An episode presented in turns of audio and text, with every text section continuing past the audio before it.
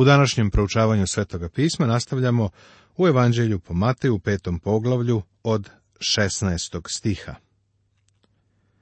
Tako neka zasvetli vaša svetlost pred ljudima, da vide vaša dobra dela i proslave Oca vašega koji je na nebesima. Ima ljudi sa liberalnim uverenjem koji smatraju da je propoved na gori antropocentrična usmerena na čoveka, a ne teocentrična ili bogocentrična. Ovo su njihovi termini. Ali očigledno, propoved na gori nije antropocentrična, u njenom središtu nije čovek. Ona jeste teocentrična. Da li ovaj stih kaže neka zasvetli vaša svetlost pred ljudima, da vide vaša dobra dela i proslave vas i tapšu vas po ramenu i daju vam zlatnu medalju i pehar? Ne kaže. Ovaj stih kaže da ti i ja treba tako da svetlimo u ovom svetu, da na taj način proslavimo našeg Oca koji je na nebu. Propoved na gori jeste bogocentrična. U toku hiljadugodišnjeg carstva, koje će biti ovdje na zemlji, sve što se bude reklo i uradilo bit će bogocentrično. U sadašnjem svetu u ovom izgubljenom svetu u kome mi danas živimo, naša prevashodna motivacija treba da bude da damo slavu Bogu. Ovo je nešto o čemu svaki hrišćanin treba ozbiljno da razmisli. Cilj i svrha našeg života treba da bude da proslavimo našega Boga. Odnos pripadnika carstva prema zakonu. Ne mislite da sam došao da razrešim zakon i proroke, nisam došao da razrešim, nego da ispunim. Seti se da je deo Mojsijevog zakona bio obredni zakon. Hristos je bio žrtva za grehe sveta, jagnje zaklano preosnivanja zemlje. Hristos nije došao da uništi zakon, nego da ga ispuni.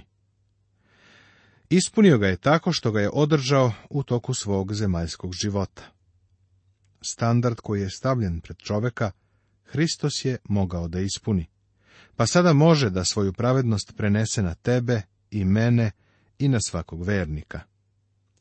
i standardi se nisu promenili, ali ih ti i ja ne možemo ispuniti svojom snagom.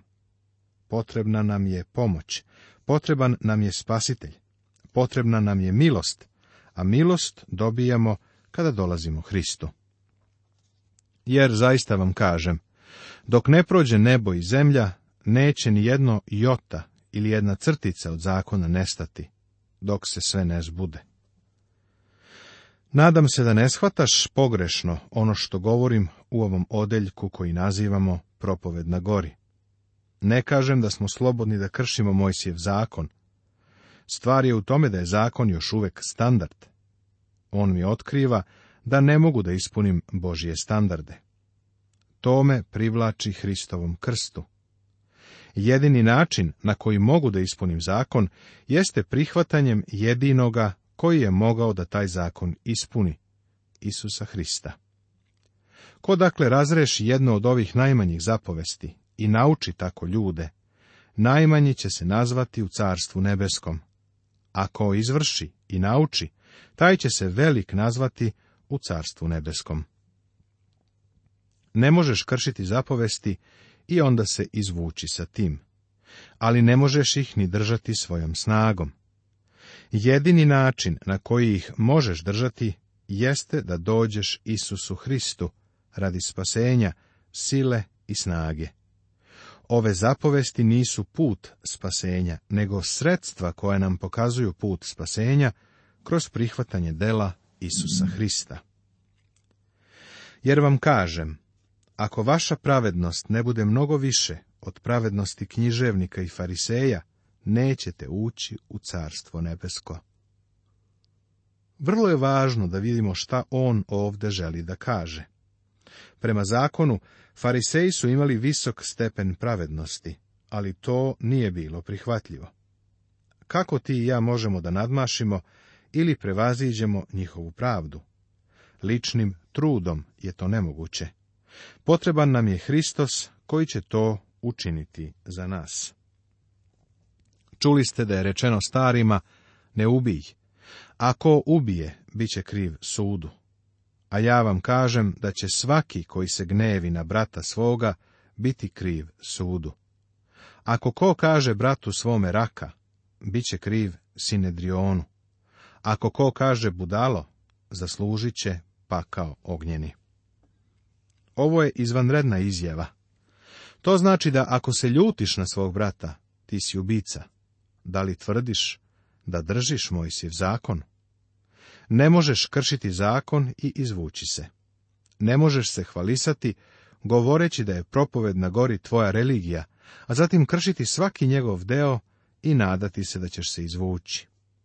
Prijatelju, i tebi i meni je potreban spasitelj, koji je savršeno održao zakon i koji na nas može da prenese svoju pravednost. Zaista ti kažem, nećeš izići odande dok ne platiš posljednje pare. Zapazi da ovdje Isus kaže, zaista ti kažem. On svoje učenje tako i uzdiže iznad Mojsijevog. On se uzdiže na poziciju zakonodavca i tumača.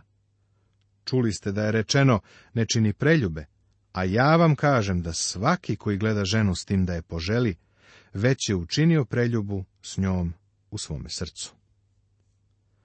Mnogo godina sam javno iznosio stav da niko, osim gospoda, nikada nije održao zakon. Jedne nedelje pre podne to sam ponovio u moje crkvenoj poruci. Nakon toga je krupan, razvijen i rumeni čovek došao do meni i rekao, ti uvek govoriš da niko ne drži zakon, Želim da znaš da ga ja držim. Usput da spomenem da je on pripadao jednoj sekti, iako je dolazio i na bogosluženje u crkvu, u kojoj sam ja služio kao pastir. Pošto je tvrdio da drži zakon, ja sam mu kazao, u redu, da vidimo to. Pokazao sam mu Matej 5.22, tekst o tome da je mržnja isto što i ubistvo. On je rekao da je to održao, iako ne verujem da jeste. Onda sam mu ja pokazao stih 28 i rekao, ovde piše, da ako samo pogledaš na ženu sa požudom, učinio si preljubu. Sada me pogledaj pravo u oči i reci mi da to nikada nisi učinio. Na početku je bio rumen, ali trebalo je posle da ga vidiš. Baš se zajapurio. Uputio mi je neki epitet, okrenuo se i izašao. Naravno da je izašao. Kažem ti, ako si iskren, nećeš tvrditi da držiš zakon. Sjeti se da ima deset zapovesti. Iako Matej spominje samo ove dve o kojima je Hristos govorio, mišljenja sam da je svih deset on uzdigao na najviši nivo. O, prijatelju, propoved na gori mi pokazuje da sam sagrešio i da treba da dođem Bogu za pomoć i milost. Reći da živiš po propovedi na gori, dok je u isto vrijeme kršiš, znači da govoriš da zakon nije važan. U sljedećim stihovima naš gospod se na izvanredan način bavi zakonom i odnosom čoveka prema zakonu. Ako te tvoje desno oko sablažnjava, iskopaj ga i baci od sebe, jer ti je bolje da propadne jedan od tvojih udova i ne bude celo tvoje telo bačeno u pakao. I ako te desna ruka tvoja sablažnjava, odseci je i baci od sebe, jer ti je bolje da propadne jedan od tvojih udova i da celo tvoje telo ne ode u pakao.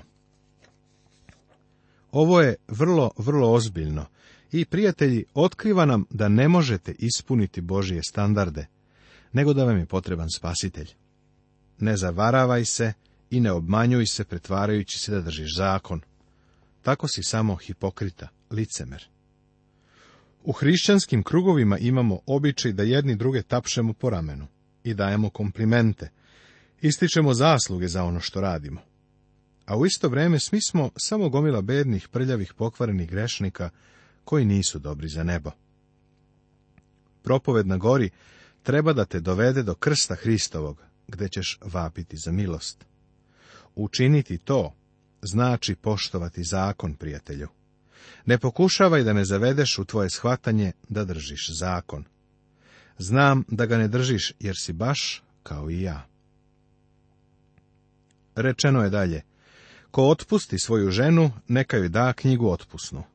A ja vam kažem da svaki koji otpušta svoju ženu, osim zbog preljube, navodi je da učini preljubu, i ko se oženi otpuštenom, čini preljubu. Ovde gospod daje osnov za razvod. Ako je neko razveden iz razloga koji nije spomenut u Svetom pismu, ta osoba je preljubočinac. Ovo je nešto što je u hrišćanskim krugovima danas potpunosti zanemareno. Međutim, ovo će biti zakon za vreme perioda carstva, jer će i tada biti muškaraca i žena koji će želiti da ostave svoje bračne drugove. Pitanjem razvoda ćemo se kasnije detaljnije pozabaviti, kada dođemo u 19. poglavlje ove biblijske knjige. Opet ste čuli da je rečeno starima, ne kuni se krivo, a ispuni gospodu zakletve svoje.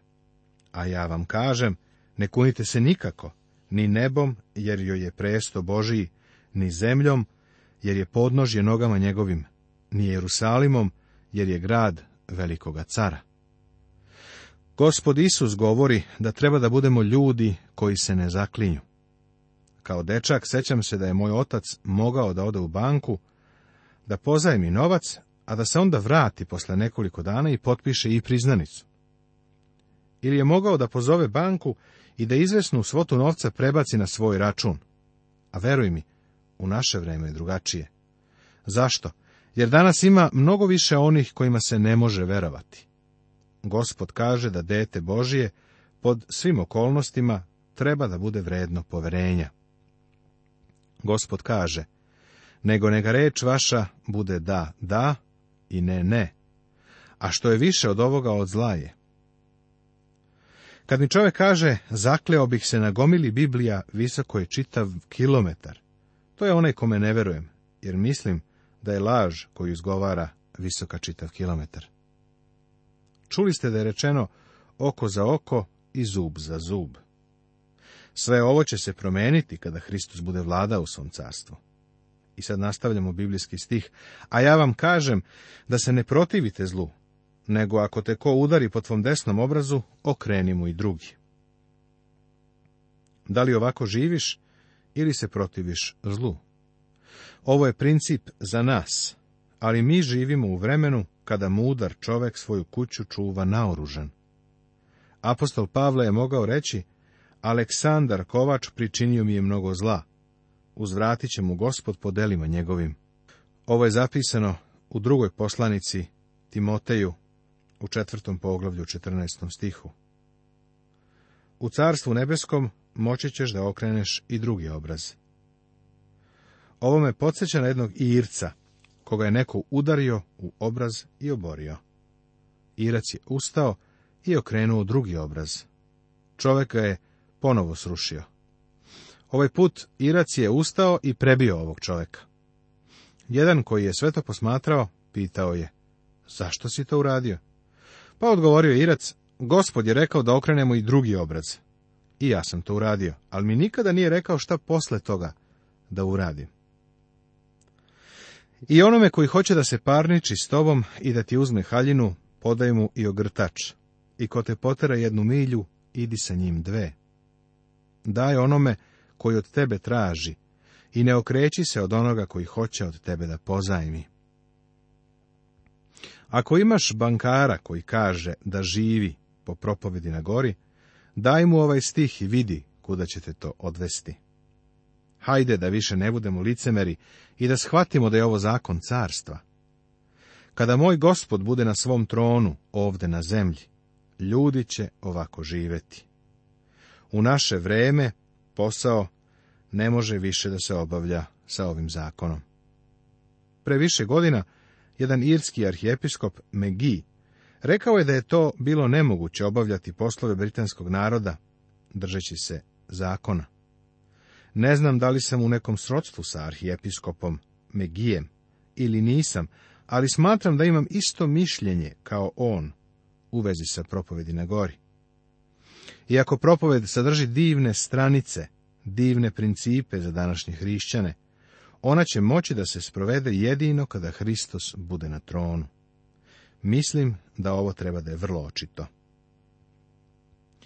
U našem savremenom društvu mnoge bogate crkve kažu da slede propoved na gori. To je ono što zajednica dobija kao čvrstu hranu nedeljom prepodne.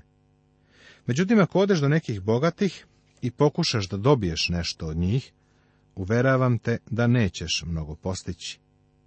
U nedelju oni slušaju, daj onome koji od tebe traži i ne okreći se od onoga koji hoće od tebe da pozajmi.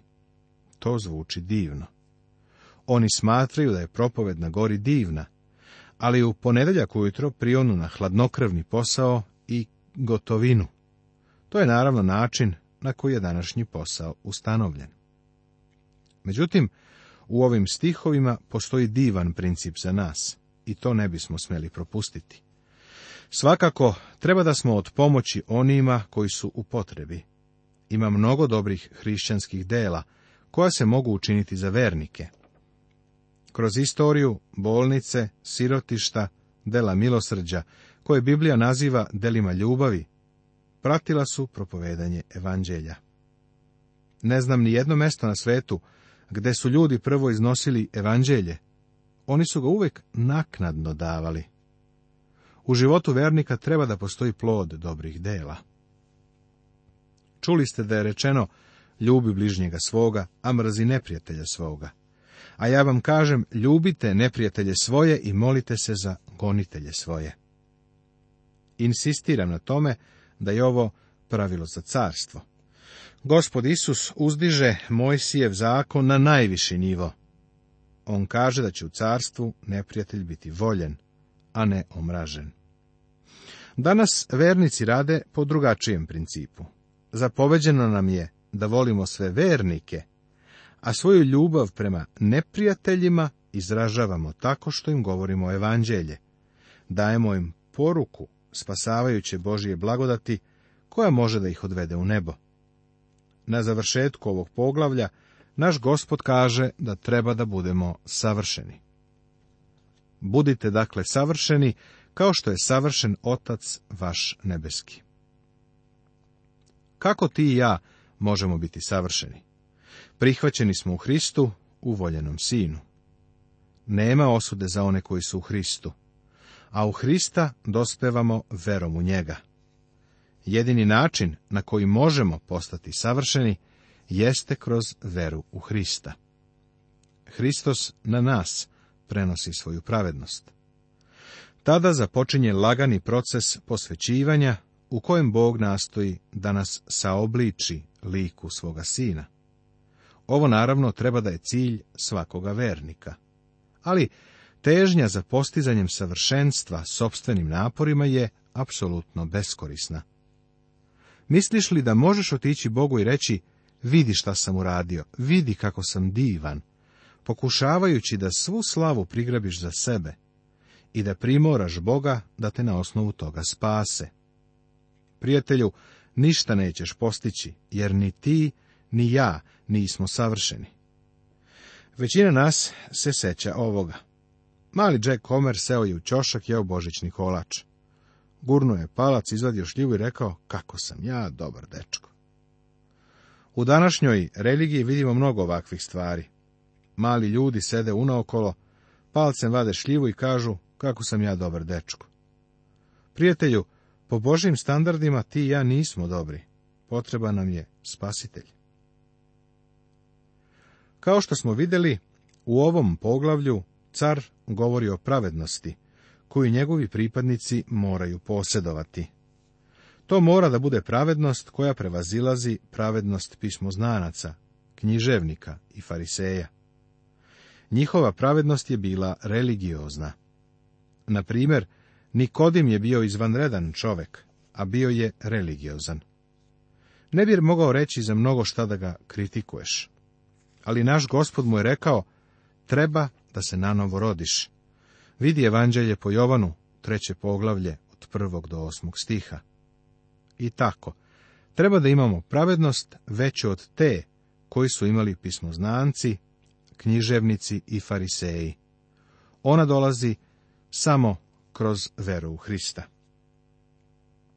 Poštovani slušalci, ovim smo završili naše peto poglavlje. U našoj sljedećoj emisiji nastavljamo sa šestim poglavljem Evanđelja po Mateju i govorit ćemo o unutrašnjim motivima koji upravljaju spoljašnjim vidljivim delima pravednosti, kao što su davanje milostinje, molitva, post i sticanje bogatstva. Nastavit će se.